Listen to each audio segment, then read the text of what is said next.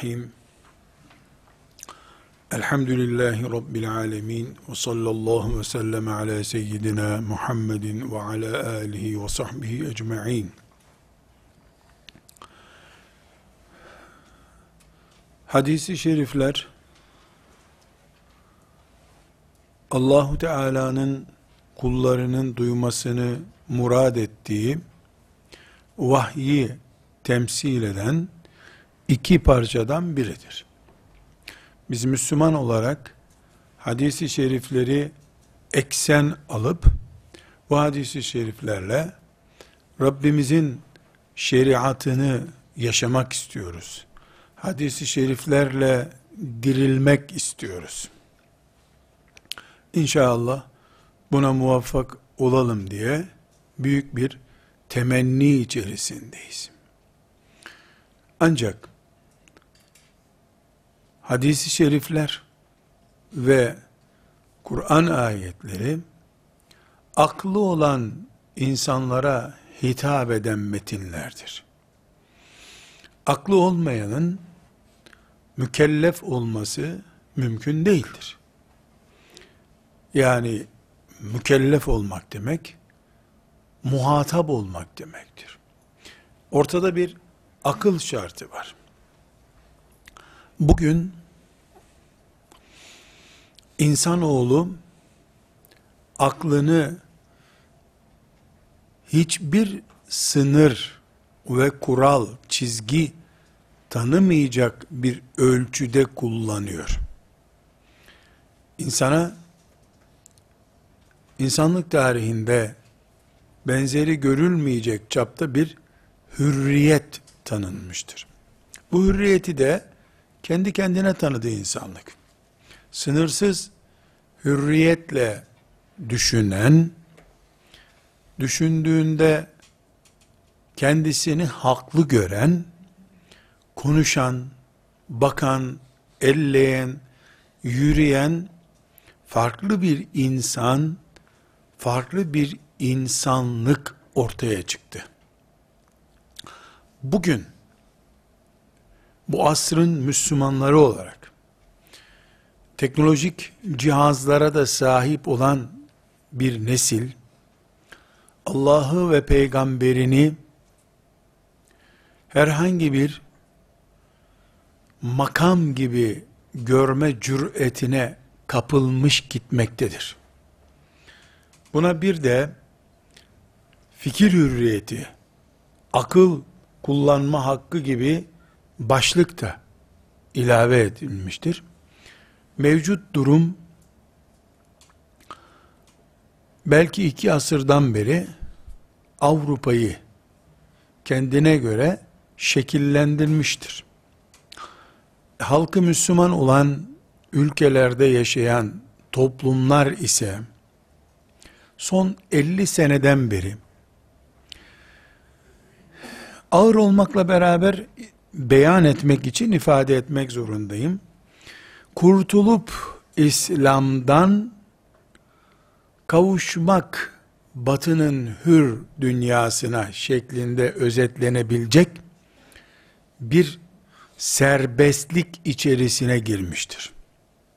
Şeytan bu mezbelelikten kendisine çok güzel malzemeler çıkarmıştır. Bir yandan batının orduları İslam topraklarında işgal gücü olarak duruyordu. O işgal ordularından kurtulurken gerek siyasi, gerek ekonomik ve gerekse sosyal baskılardan kurtulurken Müslüman toplumlar halkı Müslüman olan ülkelerdeki insanlar batının ordularından kurtulurken İslam şeriatının çizgilerinden de çıkmayı becerdi diyeceğim. Becerdi. Yani batının işgalinden sıyrılırken İslam'ın disiplininden de sıyrılı verdi toplumlar. Dolayısıyla biz insani hürriyet peşinde koşarken ailemizde hür yaşayacağımız bir ev ararken çarşılarında, sokaklarında dipçik yemeden dolaşacağımız ülkelerimiz olsun derken Allah'ın ve peygamberinin sözlerine bile cevap verebileceğimiz bir hürriyet atmosferinde bulduk kendimizi. Bu bir mezbelelik, çöplük, hurda çöplüğü niteliği aldı. Şeytan buradan cüretkar bir nesil çıkmasını sağladı. Bu cüretini hala batının despotluğu ve zalimliğine karşı kullanamıyor. Ama ayete, hadise karşı kullanıyor. Biz aklın hududu var. Aklın sınırı var. Akıl ipsiz sapsız kaldığı zaman kalkar der ki sen beni ateşten yarattın. Bunu topraktan yarattın. Ateş güçlü, toprak çamur. Sen güçlüyü güçsüze nasıl secde ettirirsin der. Akıl budur. Akıl sınırsız kalamaz. Eğer sınırsız kalırsa akıl, saatte 5000 kilometre sürat yapabilecek şekilde kanatlanabilen ama iniş tezgahı olmayan bir uçağa benzer. Bugün batının akıl hürriyeti dediği şey, kalkış ve yükseliş tezgahı bulunan 5 dakika içerisinde 100 bin metre belki mesafeye yükselebilen bir uydu ama dönüş sistemi ayarlanmamış. Hep uçmak üzere, hep serbest atış yapmak üzere planlanmış bir sistemdir. Batının akıl hürriyeti dediği şey. İnsana hürriyet diye sunduğu şey. Burada şüphesiz kullara kulluktan Allah'a kulluğa yükseltmeye davet etmek için gelmiş bulunan İslam esarete davet edecek bir hali yok insanoğlunu. Zaten böyle bir durum yok. E, esir olsun insanlar, kimse düşünmesin, kul köle olsunlar. Bunu dememek için bu olmasın yeryüzünde diye İslam gelmiştir. O zaman disiplin altına alınmış bir akıl dünyasıdır. İslam'ın, dinimizin insanlığa sunulmuş akıl nimetini kullanma serüveni. Burada kardeşlerim, neden aklın sınırı, aklın hududu diye ders yapma ihtiyacı hissettiğimizi izah etmeye çalışıyorum. Akılsız naslar anlaşılmıyor. Ama naslara karşı akıl kullanıldığı zaman da işte onu topraktan yarattın, beni ateşten yarattın felsefesi ortaya çıkıyor.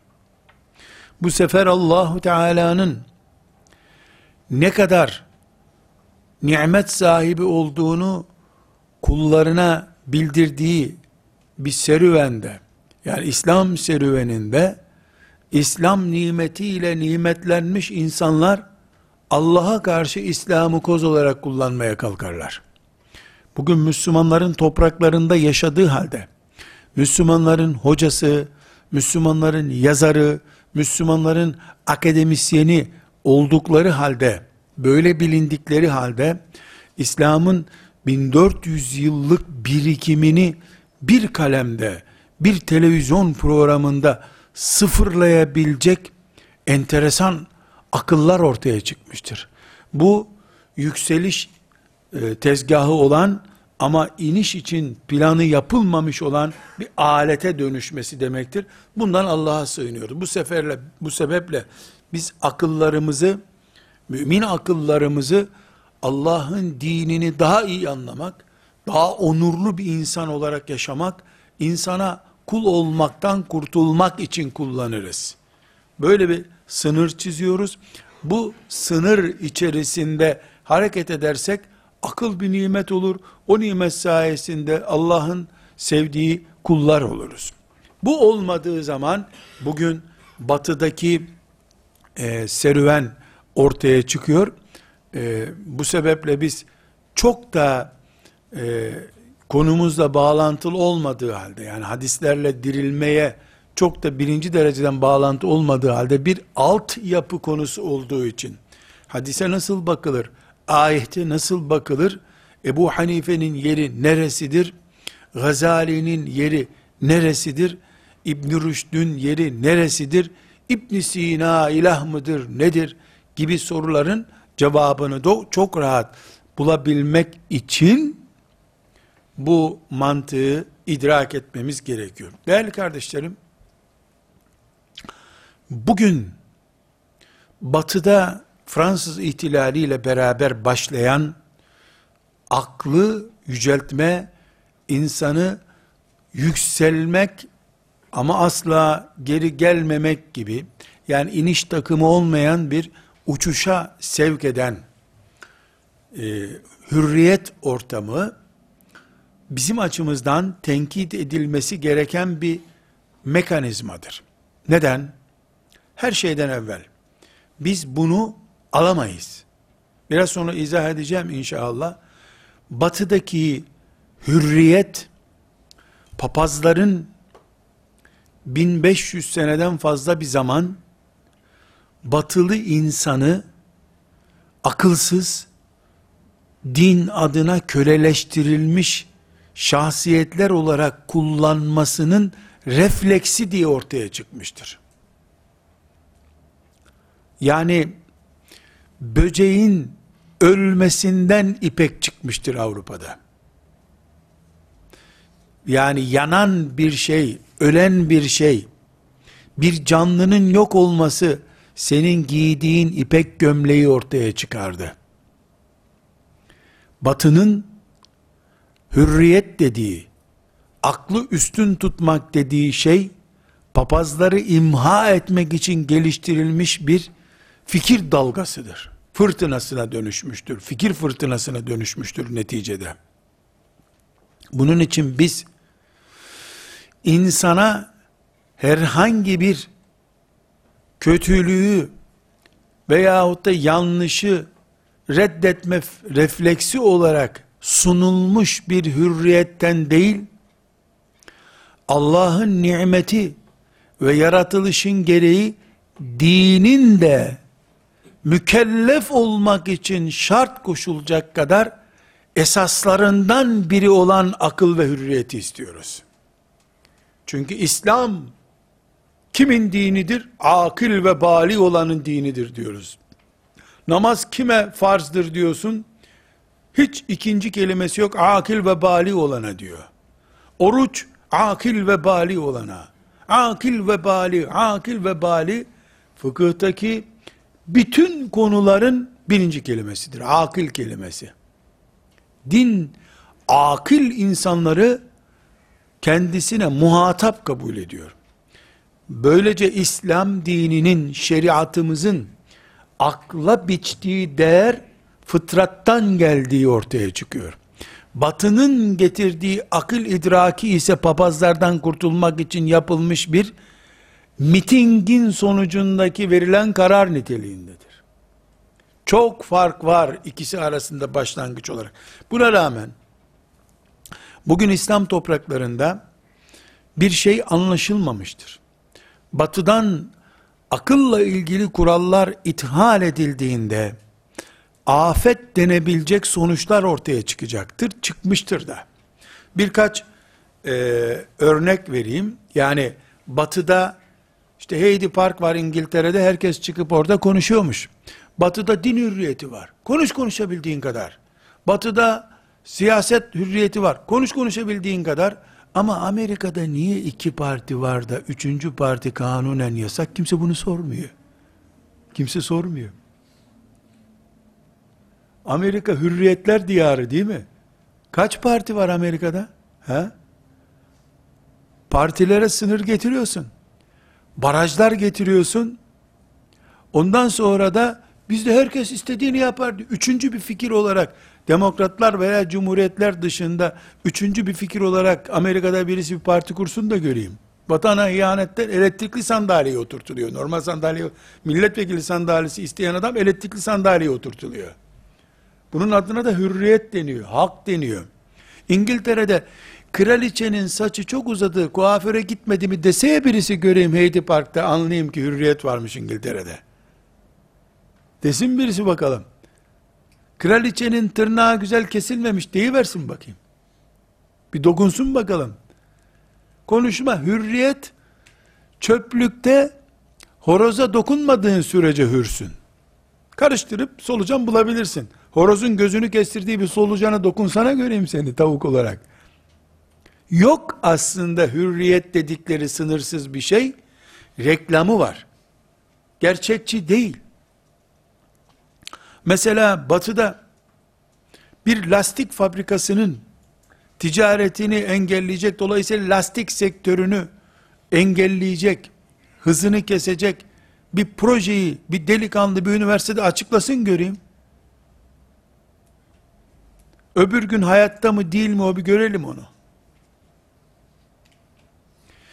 Hollywood denen film cehenneminde çevrilmiş filmler batılının gece uyurken rüyasında gördüğü şeyler olduğu için senaryosunu yazıyorlar. Uzaya çıkan bir araç da onun hayali, onu yazıyor. Yamyamlaşmış bir insanı da o hayal ettiği için senaryo yapıp filmleştiriyor onu. Yalan, hürriyet dedikleri şey. Çöplük büyük olduğu için horozun kendisine karışmadığını zannediyor. Bu kadar. Buna rağmen esefle ve hasretle dile getiriyoruz ki bir hürriyet dalgası diye her konunun başına akıl ve bali olmak diye şart getirmiş bir dinin mensupları o hürriyete de dandırıldık. Esefle, kahırla bunu beyan etmek zorundayız. Elhamdülillah şu yaşıma kadar Allah babamdan razı olsun. Yetiştiren hocalarımı Allah Firdevs-i Ala'dan aşağı bir yere koymasın. Bir saatliğine hayran olmadım o çöplüğün elhamdülillah. Latin harflerle yazılı kese kağıdı denen şey, eskiden poşet yoktu, kese kağıdı vardı. Eski gazetelerden poşet gibi torbalar yapılırdı. Pazarda onlara konurdu. Onlarla eve bir şey getireceği zaman babam, bir leğene dökerdi. Ee, o getirdiği domates neyse artık leğene dökerdi. Biz daha kese kağıtlarını görmeden 500 parçaya bölerdi onları. Gidip çöpün dibine bastırırdı, gidip karıştırır görür. Sanki nükleer bir güç. Yani ta böyle kireç çöplüğüne döküyor gibi dökerdi. Latince bir şey görüp batıya hayranlığımız olmasın diye. Allah ondan razı olsun. Bu sayede elhamdülillah sayılmayacak kadar günahım olabilir ama bir saatliğine hayatımda, yarım asır geçen hayatımda bir saatliğine ne güzel bu adamların şu bölümü diye hiç imrenmedim. Elhamdülillah. Ama yaşadığım toplum öyle değil tabi. Öyle değil. Bu sebeple yeni yetişen neslin batıdaki hürriyetin köleler arasındaki hürriyetçilik oyunu olduğunu anlıyor olması lazım. Anlamıyor. Hele biraz okumuş yazmış, şeriat ilmi bilmeyen, Şatibi'nin muvafakatını okuyamamış, mahrum olmuş, Karafi'nin e, kitaplarını görmemiş, Gazali tanımamış, İbn Rüşd'den istifade edememiş insanlar, İbn Teymiye'nin ne olduğunu anlayamamış insanlar, bu toprakların dev çınarlar yetiştirdiğini görmek hazzına ulaşamadıkları için batının hürriyetçilik oyununu, kölelerin oynadığı hürriyetçilik oyununu ciddi bir şey zannetmişlerdir. Allah'tan halas niyaz ediyorum. Ümmetim adına, bütün gençlik adına elhamdülillah onlar yüzlerce filmleriyle, dizileriyle, basınıyla, enformasyonuyla, her şeyiyle böyle bir şeyi baskı unsuru yapıp enjekte etmek istiyor olsalar bile Allah'a hamdolsun şeriatımdan başka imreneceğim hiçbir şey yoktur diyen yeni bir nesil var Elhamdülillah. Sayısı çoğalsın, kavi olsun, daha çok ayakta dursun diye hamle yapıyoruz, gayret ediyoruz. Burada kardeşlerim, batının hürriyet idrakinin bize yansıtılmış olmasından kaynaklanan bazı sorunlar var toplumumuzda. Yani bu bahsettiğim şeyler nerede izleyeceğim ben bunu? Bu yanlış taklidi nerede izleyeceğim diyorsanız birkaç başlık sayacağım. Birincisi, birinci başlık dikkat ediniz fikir hürriyeti, konuşma hürriyeti, aklı kullanma mefhumu bizde toplanınca Peygamber Efendimiz sallallahu aleyhi ve sellemin o büyük ikazlarına rağmen Kur'an-ı Kerim'in sakın bölünmeyin ikazına rağmen bölünmüşlük, fırkalaşma, tarikatlaşma, mezhepleşme, kabileleşme anlayışı masum hale gelmiştir. Bu asırda başımıza gelmiş büyük felaketlerden biridir. Ümmetin içinde grupçuluk, ümmetin içinde e, bölünmüşlük eski asırlarda da vardı ama bir hatip çıkıp çok rahatlıkla Allah'tan başka tutunacak ipimiz yoktur bizim diyebiliyordu. Şimdi gruplara sataşmak, grupların ayıbını konuşmak, İslam'a sataşmaktan daha tehlikeli İslam toplumlarında. Bakara suresi olmasın Kur'an'da desen, vay zındık deyip atarlar seni. Rabıta yoktur İslam anlayışında diye ağzından bir cümle çıksa, ölmeden sen lincin bitmez. Böyle bir anlayış peyda olmuştur. Neden? Tabi bu ta'mim yapıldan, yapılması gereken bir şey değil. Böyle bir vakada yok zaten. Bakara suresi olmasın diyen yok. Bar bir mesel yapıyorum, konum iyi anlaşılsın diye. Bu neden böyle bir yapıya kavuştu? E, adam bildiğini söylüyor. Adam bildiğini söylüyor canım. Hakkı adamın. Konuşuyor adam ya. Konuşuyor ama hançerini ciğerime bastırıp konuşuyor. Bakara suresini tenkit ediyor. Bukhari'ye dil uzatıyor. Ebu Hanife'yi ilahiyat fakültesinde bir asistan yerine bile koymuyor. Öyle konuşuyor. Böyle bir hürriyet olamaz. Ebu Hanife'nin talebeleri de niye konuştu o zaman diyor bana. Onlar hocalarını çiğnemek için değil, Allah'ın ne dediğini daha iyi anlatmak için söylüyorlar. Tez yazmadılar. Sen ispat edip, tezini ispat edip, şöhret kazanmak, maaş bordurana kademeyi yükseltmiş, daha büyük para getirmek için yazıyorsun, çiziyorsun. O şeriatı yükseltmek için yazıyorsun. Onunki cihattı, seninki rezalet. Onun için birinci yansıması bu kanserin, ihtilafların, bölünmüşlüğün çok doğal, İslam'ın içinde açmış bir çiçek gibi görülüyor olmasıdır. Bir parti daha kuruldu, bir grup daha kuruldu, bir vakıf daha kuruldu dendiğinde bahçemizde bir çiçek daha açtı der gibi diyoruz bunu. Bunun böyle olduğu noktada belki olabilir, hakikat olabilir bu, ama bu başımıza açılmış kailelerden bir tanesidir. İkinci olarak kardeşlerim, çoluk çocuk, çoluk çocuk denebilecek, ilim olarak tabi, yaştaki insanların, Allah'ın şeriatının en temel prensipleriyle, en temel prensipleriyle, müminlerin iki asır önce ölüm kalım konusu gördükleri meselelerle, ümmeti Muhammed'in camide bile konuşulmasına izin vermeyecekleri şeylerde, kahvelerde, çay ocaklarında, film izlerken internette oynayabiliyorlar. Mesela 10 tane namaz kılmış bir Müslümanın oturduğu bir ortamda öyle yıkıldık, çay içiyoruz caminin bahçesinde. Şu soru sorulabilir mi? İslam devleti, şeriat devleti olur mu? İslam tatbik edilir mi? Kur'an'ın kanun olduğu, anayasa olduğu bir devlet olabilir mi diye sorun. 10 kişiden biri niye olmasın ki canım diyecek. Birisi de ya buna sıra mı geldi diyecek. Öbürü de yok ya bu zamanda olur değil diyecek. Orada 3-5 görüşle bunun saatlerce tartışılabildiğini göreceksiniz. Aynı topluma Allah var mı diye sorsan, ulan sen bizimle öyle kılmadın mı? İmansız herif, ne biçim soru bu? Diye seni reddederler.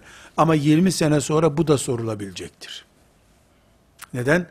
Şeriatı sorgulanan Allah, kendisi de sorgulanır sonunda.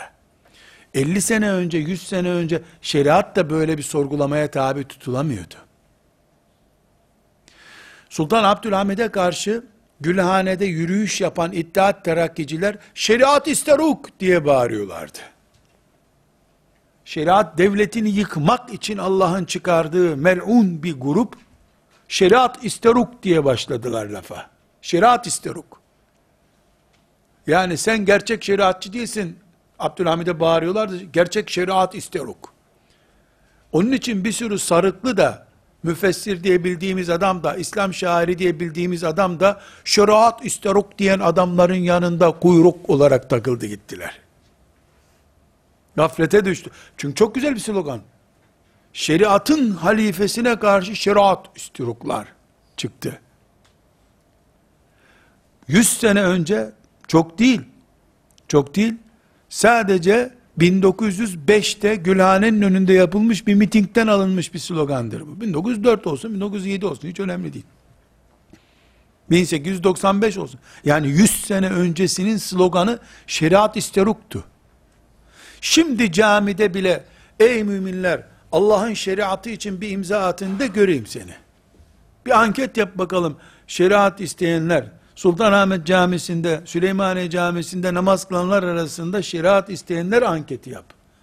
Daha önce İttihat Terakki şeriat isteruk diye miting yapıyordu Gülhane'de. Şimdi camide bu konu ne? Dolayısıyla 50 sene sonrası belli bunun Allah var mıdır yok mudur bile tartışılır. Çünkü iniş takımı olmayan bir filoyla akıl uçmaya başlamıştı. Sıkıntı burada. İkinci başlık ne dedik? Yani bu aklı bu şekilde kullanmanın birincisi ihtilaflar doğallaştırıldı. Maazallah ümmetin çöküş nedenlerinden biri bu. İki, en kutsal konuşulmaz şeyler konuşuldu. Bugün belki uygulamaları ile beraber yüze yakın hadisin bulunduğu, ashab uygulamasının bulunduğu bir konu olan İslam'dan dönen bu dönüşü belgelendiği takdirde geride İslam'a geri gelmeyi e, kabul etmemesi halinde öldürülür. İslam'dan dönüşün cezası öldürülmektir. Hangi ülke var ki bu vatanı istemiyorum ben deyince vatana hıyanetten ipe almıyorlar adamı? Böyle bir şey var mı? Vatana istediğin gibi girdim çıkıyorum vatandaşlıktan deme diye bir şey var mı? Bir adamın vatandaşlıktan çıkması için bakanlar kurulunun toplanması, yani devletin en üst 20-30 adamının toplanıp onay vermesi gerekiyor. Ondan sonra da istihbarat onu günlerce sorgulamaya alıyor. Nereye gidiyorsun diyor. İstihbarattan zaten bir trafik kazasıyla vatandaşlıktan çıkmadan hayattan çıkarıyorlar onu. Bütün dünyada kural böyle. Çünkü sen durup dururken bir ülkenin vatandaşlığından çıkarsan ya aptalsın, git lan senden kurtulalım diyecekler. Ya da girdin niye çıkıyorsun sorusunun cevabını e, vereceksin istihbarat odalarında veremeyeceğin için seni imha edeceklerdir. Kanunen de izin verdik çıkabilir vatandaşlıktan. Bütün dünya ülkelerinde kural böyle. Din şu kadar bin kilometre kare topraktan oluşan bir vatandan daha değersiz bir mukaddes midir ki? Gir çık, gir çık olsun. Hadis var. Sahih hadis-i şerif var. Ali radıyallahu anh'ın önüne birisini getirmişse ben İslam'dan çıkıyorum. Demiş çıkmış Ali çağırmış onu. Şimdi adamı kurtarmak istiyor radıyallahu anh. Yani emirül müminin Ali'den kastediyorum. Filan mahallenin muhtar Ali'den değil. Duydum sen Hristiyanlıktan çıktın öyle mi demiş. Evet demiş adam. Bir kızı seviyorsun. O da Hristiyan olmadıkça seninle evlenmek istemiyor. Sen şimdi Hristiyan olduğunu söyledin, onunla evlenip sonra İslam'a geleceksin değil mi? Yok öyle bir şey demiş. Ya sen Hristiyanlardan bir para kapmaya çalışıyorsun. O parayı kapıp tekrar İslam'a geleceksin değil mi? Yok öyle bir şey. Çıktım diyorum sana demiş. Ben İsa'nın Mehdisi olmadıkça bir daha başka din değiştirmem demiş. Öldürün bunu demiş Ali radıyallahu anh. Öldürün bunu.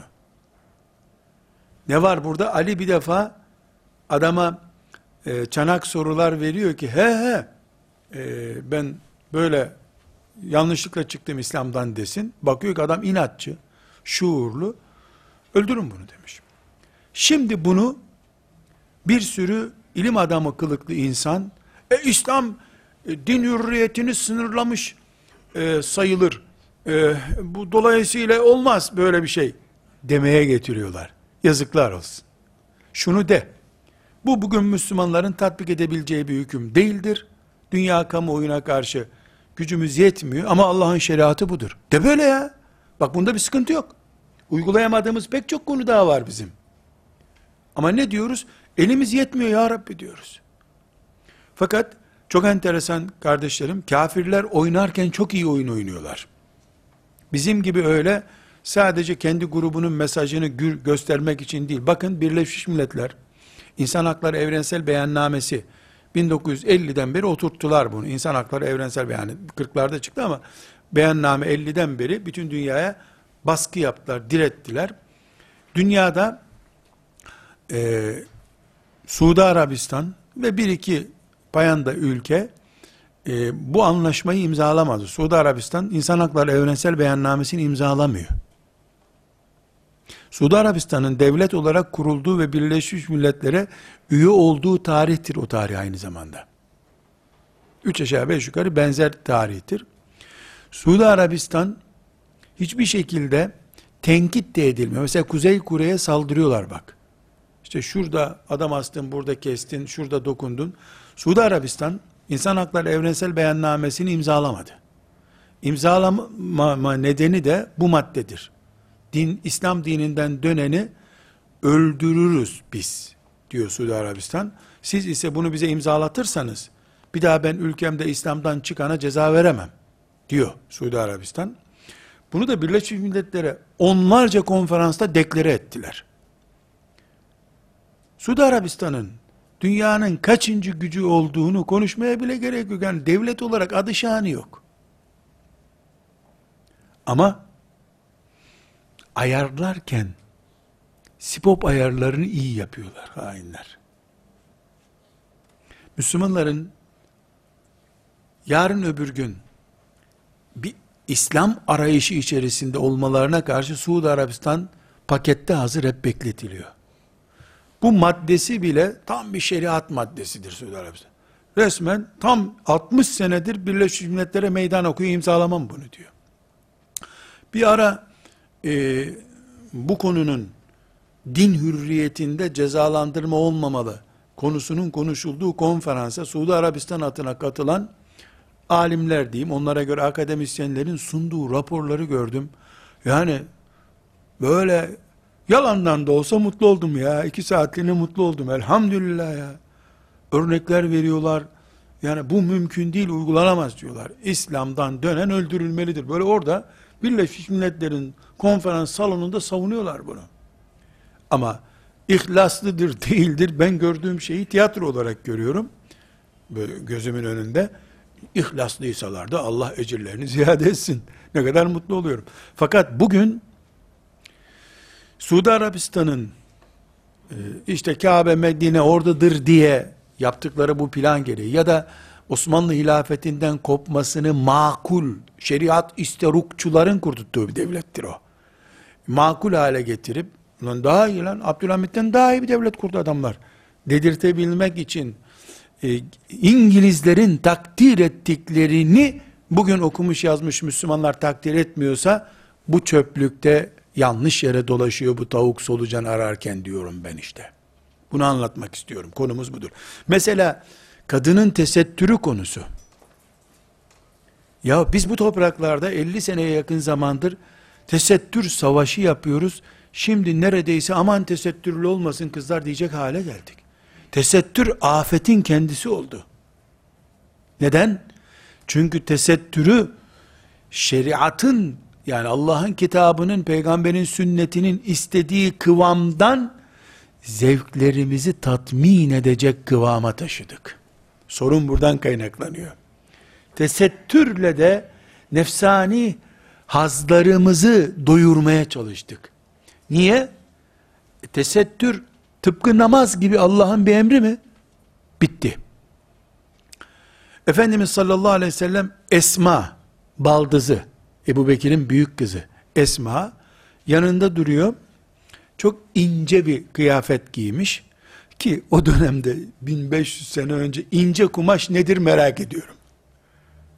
İnce ne kadar ince yani. Lütfen siz düşünün. Yani bugünkü teknolojiye bakın. Bir milimden az bir inceliği olan kumaş üretiliyor belki ama petrolden, sentetik, şundan bundan. Yani o dönemde hangi ince kumaşı üretmişler ki Efendimiz Esma demiş.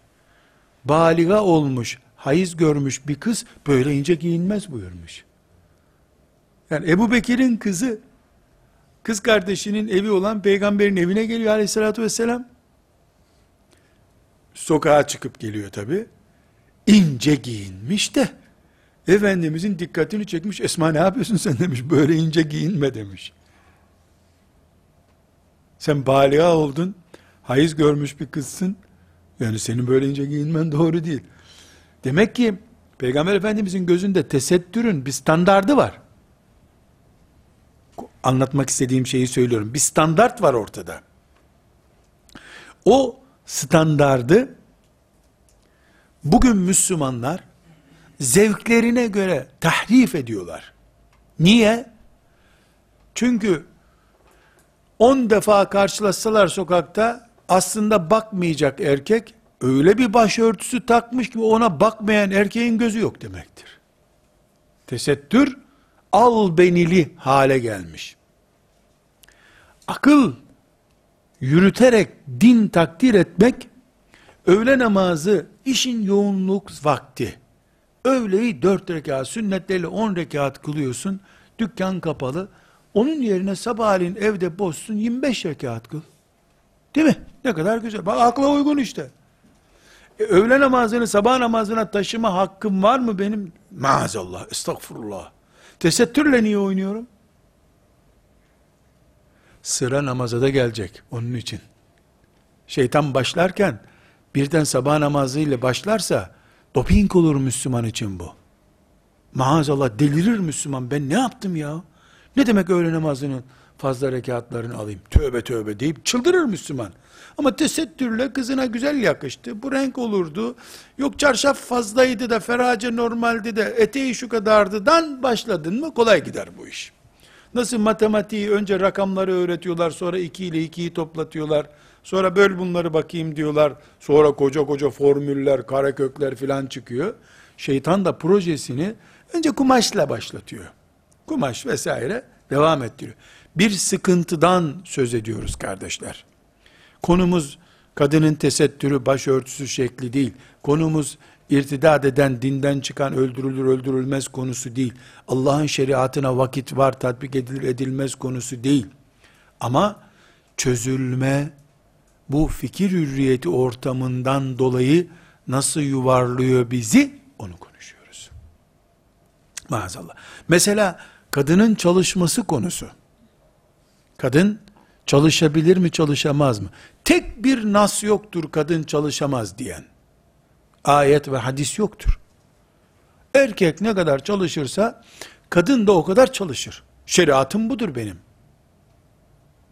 Şeriatım budur. Tek bir nas yoktur. Meneden. Ama kadını erkeğin zevkini tatmin aracı olarak kullanmak, araba lastiği reklam yapmak, reklamı yapmak için kadın vücudu kullanmak, mankenlik yapmak, çalışmak olarak kadına takdir edilebilir mi diye sorduğunda, dağ gibi bir engel çıkarır şeriatım senin karşına. Çalıştıramazsın kadını der. Evinde oturacak kadın der. Maden ocağında çalışama, çalıştıramazsın kadını der. Niye? Maden ocağında 20 sene çalışan bir kadın anne olamaz bir daha. Zaten ciğer hastası bir kadın o çocuk nasıl doğuracak? Eşinin hizmetini yapamaz. Yani kadının kadınlığı bir numara, çalışması iki numara olmalı. Halbuki kavvame ayetinde Allahu Teala erkeğin çalışmasını bir numara, ev işini iki numara haline getiriyor. Erkek çalışacak. Ve bima enfekû infak ediyorlar çünkü diyor. Allah rahmet etsin. Çok hem de rahmet etsin. Biraz yetmez. Osman Öztürk hocam bir gün telefon etti. Nurattin dedi, senin dedi mahrem cevaplar diye bir kitabın geldi dedi bana. Okudum. Şöyle alnını bir uzat bakayım telefona dedi. Hayrola hocam alnını telefona koy dedi. Koydum. Ha oradan öpüyorum dedi şimdi. Tebrik ediyorum dedi. Ama dedi kadınları şımartıyorsun dedi.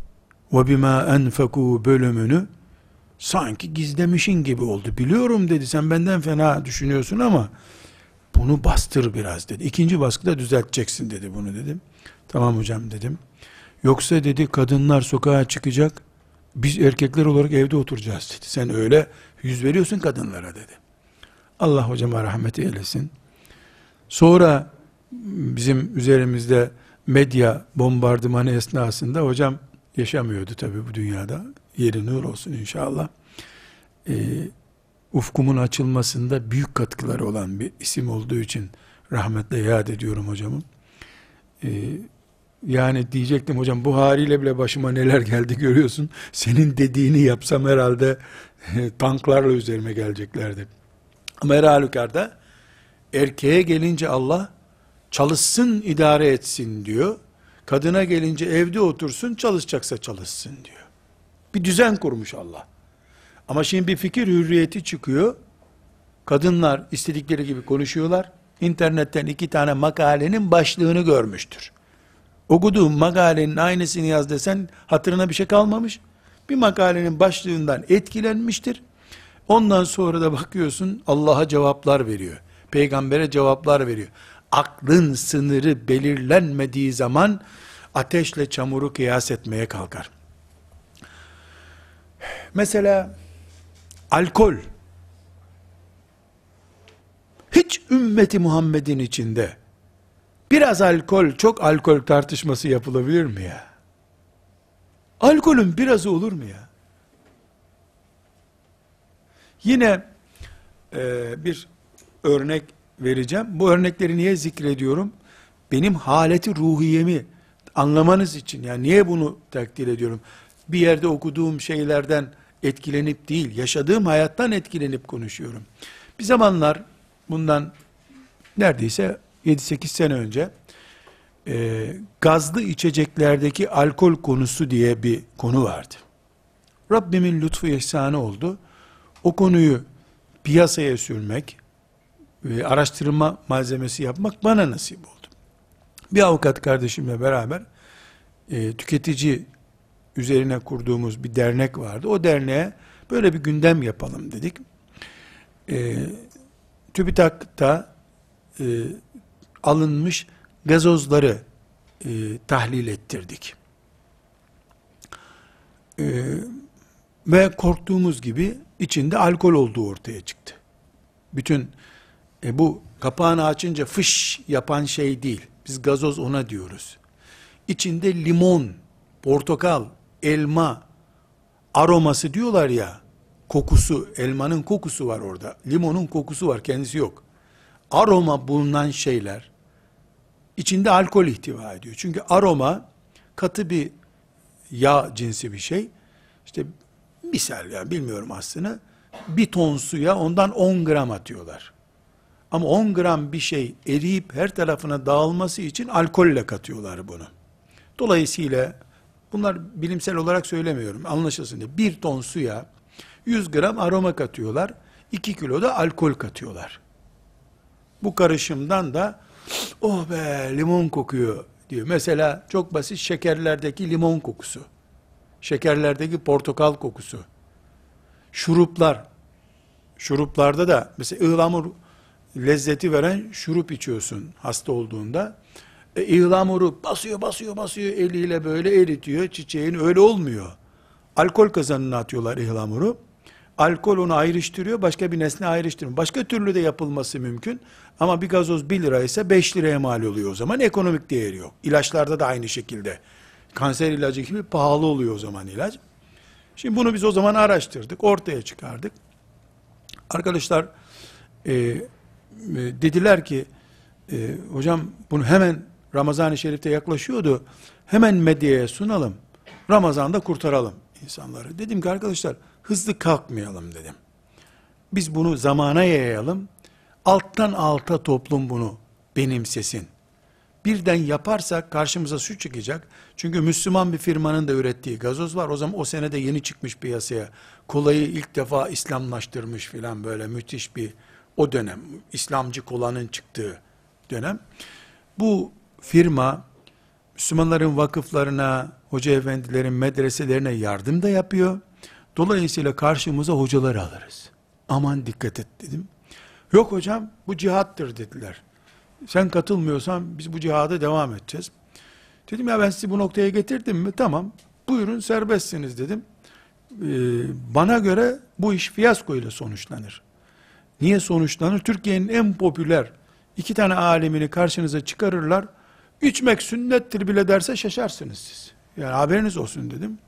Ya benim arkamdan toplantıdan sonra hoca duygusallaştı filan. Hatta bir arkadaş yönetim kurulunda benimle oturan bir arkadaş yani hoca herhalde kendinden başkasından pay almasını istemiyor bu işten. Sevaplar hep kendine kalsın istiyor düşünmüş. Ben kenara çekildim.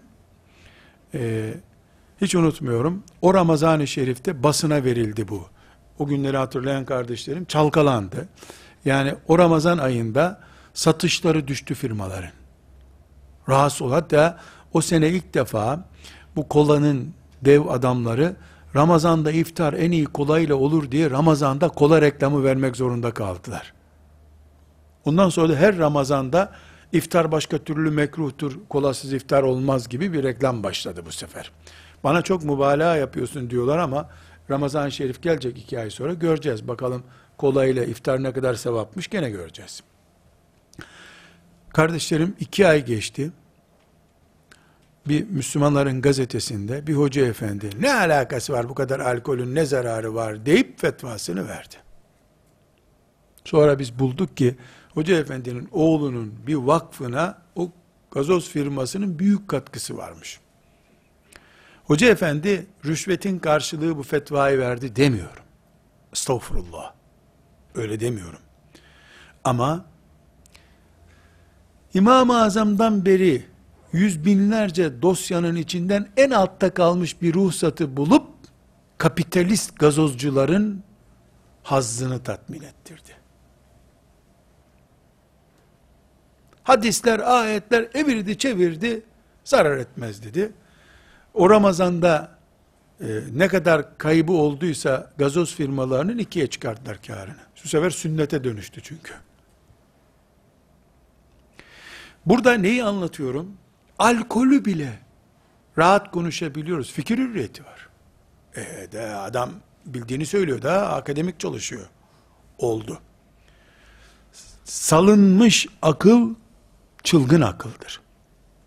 Zarar üretir. Dedik konuşuyoruz. Batıdaki akıl furyası bize intikal ederse olduğu gibi sanki biz buna muhtaçmışız gibi. Değiliz muhtaç ya abdesti anlatacak, kim abdest alır? Akil alır diye başlıyor.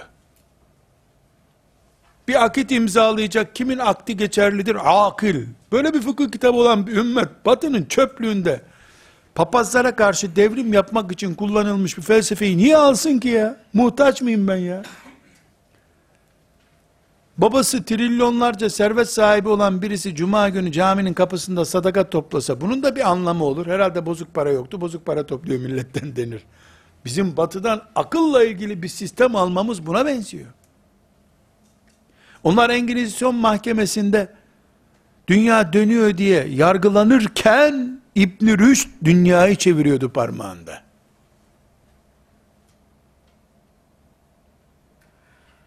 Bir tarihleri karşılaştıralım ya. Ben buydum o, dünya dönüyor dediği için asılıyordu. Bıçakla boğazı kesiliyordu.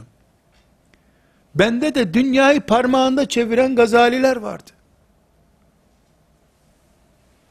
Altı defa hapishaneye girmiş, hiçbirinde de görüşünden vazgeçmemiş İbn Teymiye var. Birilerinin deli, sapık, mezhepsiz dediği adam, Bağdat'ta çıktı, Şam'da çıktı, Basra'da çıktı, Kahire'de çıktı. Elhamdülillah. Biz ümmet olarak batının çöpünden hurda toplayıp onu eritip yeniden poşet yapacak bir ümmet değiliz biz. Elhamdülillah. Ümmetimizin prestiji var. Eğer ümmeti Muhammed'i hilafeti kaldırılmış, başsız kalmış 1920'sinden sonradan başlatırsan elbette batıda ne bulursan topla o zaman. Bu ümmet 1924'te e, ortaya çıkmış bir ümmet değil ki elhamdülillah. Bizi Medine'den başlat. Payitaht İstanbul'dan başlatma. O zaman biiznillahü teala kimsenin çöpünden enerji üretmeye muhtaç olmadığımız anlaşılacaktır. Ne dedik? Bu fikir hürriyeti safsatası bizi ihtilaflar, bölünmüşlükleri benimser noktaya düşürdü. Lakırdılara bile itibar etmek zorunda kaldık.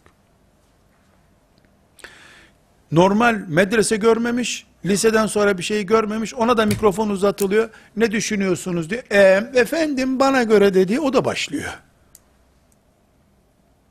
70 senedir kütüphanesinden çıkmamış bir alime de aynı mikrofon uzatılıyor. Kitapla poşet arasında fark görmeyecek bir adama da aynı mikrofon uzatılıyor. Ve buna hürriyet deniyor. Bir. iki, şeriatımızın en temel değerleri üzerinden çoluk çocuğun tartıştığı bir değer haline geldi. Ama ben hangi dünyada yaşadığımı da bilmem gerekiyor. Koca Türkiye bölünsün mü bölünmesin mi diye de konuşulan, bunun için televizyon programları yapılan bir ülkede e, herhalde İslam'da rahat parçalanıyor. Vatan da gitti, din de gitti oluyor.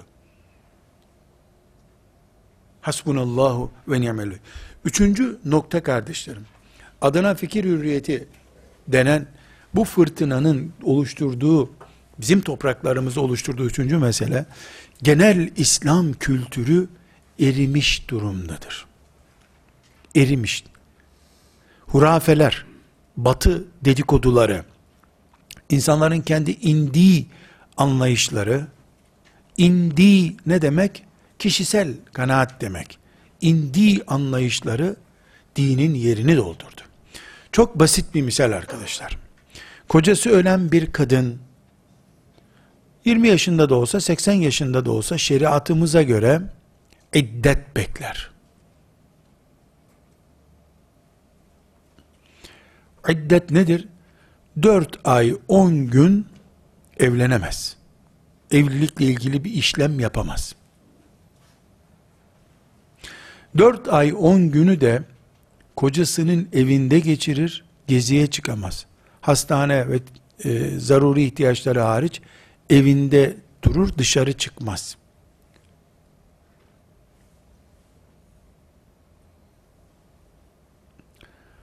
Bunu bir cenaze evinde konuşsanız ilk tepki ne oluyor biliyor musunuz? E zaten kadının kocası ölmüş ya bir de ne yapıyorsun sen yarasına tuz basıyorsun ya oluyor. Kur'an ayetiyle sabit biliyor musun bu? Ama şeriatımıza ait meseleler bir kültür bile değil artık. Kaldı ki itikat konusu bunlar. Kültür olarak bile gündemimizde yoktur. Allah'tan belli bir kesime karşı farklılık oluşturduğu için çocukları sünnet ettirmek var hala. Elhamdülillah o kaldı. Ama bunun ne olduğu ve niye yapıldığı konusunda da bilgi yok. Kazara doktorlar dese ki uygun değil, gidecek o da gidecek. Çok kötü bir örnek daha vereyim. Bugün örnek verme günümüz olsun. Bir doktor arkadaş dedi ki sünnetle ilgili dedi Almanya'da bir e, konferansa katılacağım, çalışma yapıyorum, bana destek olur musun dedi. Tabii dedim. Davet ettim, geldi. Yani sünneti dinin neresine oturtmamız lazım diye konuştu. Çok endişeli baktım. Ya dedim niye korkuyorsun? Ya dedi ki hocam bildiğin gibi değil dedi. Bu konu gündeme geliyor. Yakın dönemde Avrupa Birliği karar alacak. Sünneti e, yani çocuklara yapılan sünneti yasaklayacaklar. Türkiye'de buna uyumak zorunda dedi. Çünkü Avrupa Birliği e, tapınılan bir ilah düzeyine çıkınca yemek yemeyeceksiniz dese yemeyeceğiz zaten. Ekmeği poşete koydular da çocukların sünnetsizliğini karar etseler kim ne diyecek? Ekmekle oynuyor. Poşetle de oynadığı gibi her şeyle oynuyor. Dedim ki Avrupa Birliği böyle bir karar almaz merak etme dedim. Hocam benden önce konferanslara baktım karar al, almaz sen hiç merak etme dedim. Ya hocam ne biliyorsunuz siz dedi. Bak doktor bey dedim. Biz senin gibi cerrah merrah değiliz ama bir şeylerden anlıyoruz. Yahudiler de sünnet oluyorlar. Yahudileri üzecek bir karar Almanya'nın imzasından çıkmaz merak etme dedim. Aa hocam dedi onun için ısrarla bu toplantı Almanya'da oluyor. Bütün ülkeler reddetti bunu dedi. Evet dedim. Geçen ay beni aradı. Hocam dedi konferansta çıktı hahamlar bir bağırdı çağırdılar ki dedi. Toplantı sonuç bildirgesi bile hazırlanamadı doğru dürüst dedi. Elhamdülillah. Ama rezillik. Bizde böyle bir kampanya başlatılsa televizyonda herhalde bütün e, hocalar farz değil zaten canım sünnet diye başlayacaklardır. Ne kötü bir şey. Ne üzücü bir şey. Neye örnek veriyorum üçüncü madde olarak bunu? İslam bir hayat sistemi olarak kültürümüz bizim, yaşam tarzımız, kılık kıyafetimizden yeme tarzımıza kadar mesela ayakta yemek yemeyiz ümmet olarak biz. Ah bir kültür bu. Farz mıdır? Hiç önemli değil ne olduğu. Bu ümmetin asabından beri bugüne taşınan kültür bu mudur? Budur. Bitti lan biz buyuz işte. Diyemeyecek hale geldik. Neden? Çerçöp kültür her şeyi doldurdu. Bir bizimkine yer kalmadı. Orijinal gitti. E, sunni uydurma şeyler değer kazandı. Sıkıntımız bu. Ve kardeşlerim asıl afeti kökleştiren mikrobik bir sorun haline getiren şey bu fikir hürriyeti ven hastalığına yataklık yapıyor. Neden? Çünkü bu fikir hürriyeti sayesinde dünyevileşme palazlandı. Dünyanın reklamı oldu. Şuraya bak, buraya bak. Mesela e, fikir hürriyeti sayesinde umreden gelen, haçtan gelen birisi konuşurken bir hoca efendi kaybettim kendimi Rabbimin huzurunda diyor. Kaybolup gidiyor. Oradaki teknolojik gelişmeleri, işte duygusallığı, fotoğrafını, Uhud'da şehitlerle çektirdiği hatıra foto, bir de deveye elini koymuş maşallah ne güzel poz vermiş Hacı abi filan. Arap entaresi giymiş. Bütün bunlar ne oluyor? Mekke'yi toprağın altına çekiyor. Medine'yi tarihi şehir, nostaljik şehir, şeriatı olmayan şehir haline getiriyor. Bunların neticesinde stres atmak için Medine'ye gidiliyor. Mekke'ye gidiliyor, Umre'ye gidiliyor olunuyor. Vehn hastalığı, Ebu Davud'un hadisindeki vehn hastalığı oturuyor. Ve daha sonrasında bu dersin göreceğiz. Ee, beşinci maddemiz, herkesin arzusu ilahı haline geliyor bu sefer. Konuşuyor ya, konuştukça kendini boşaltıyor. Boşalttıkça konuştuğu şeyleri kanunlaştırıyor. Bir kere ağzımızdan çıktı biz böyle istiyoruz diyor. İmam efendi şurayı okusun diyor. Filan imamın sesi güzel o tayin edilsin diyor. Zevklere göre namaz, zevklere göre umre. Filancanın oteli daha güzel onunla umreye gidelim diyor. Hevamız, iç arzularımız putumuz haline geliyor. Beşinci nokta bu. Ve altıncı noktamız, neticesinde insanların hür konuştukları, sınırsız konuştukları bir ortamda ortaya çıkan neticelerden birisi nedir? İnsanlar iyi konuşanın peşinden gidiyorlar. Reklamına göre hoca oluyor. kılık kıyafeti, işte konuşma tarzı, mesele yanındaki hanımefendiler, kızlarla, bayanlarla rahat oturup konuşması değer haline geliyor. Hocanın takvası, zühdü, söylediğini yaşayan bir adam olması değil, popülaritesi, onu pohpohlayan şeyler kıymetli hale geliyor. Buna da kör taklit diyoruz. Bu kör taklit, ümmeti Muhammed'in topluca bir sürü haline gelip, siyasetçiler, medyacılar ve benzeri yön verici gruplar tarafından yönlendirilmesi sonucunu ortaya çıkarıyor. Her halükarda kardeşler, bu geldiğimiz noktada konuştuğumuz şey, ümmeti Muhammed'in akıl ümmeti, aklı imanın, Müslümanlığın, ibadetin, kulluğun, şehadet dahil her peşinde koşulan değerin şartı haline getirmiş bir ümmetin, papazlardan kurtulmak için aklı olduğunu hatırlayan bir milletin peşinden gitmesinin altı acı sonucu var dedik. Bu altı acı sonucu konuştuk. İnşallah hal çarelerimizi konuşacağız. Bifadlillahi Teala. Sallallahu ve sellem ala seyyidina Muhammed ve ala alihi ve sahbihi ecma'in velhamdülillahi rabbil alemin.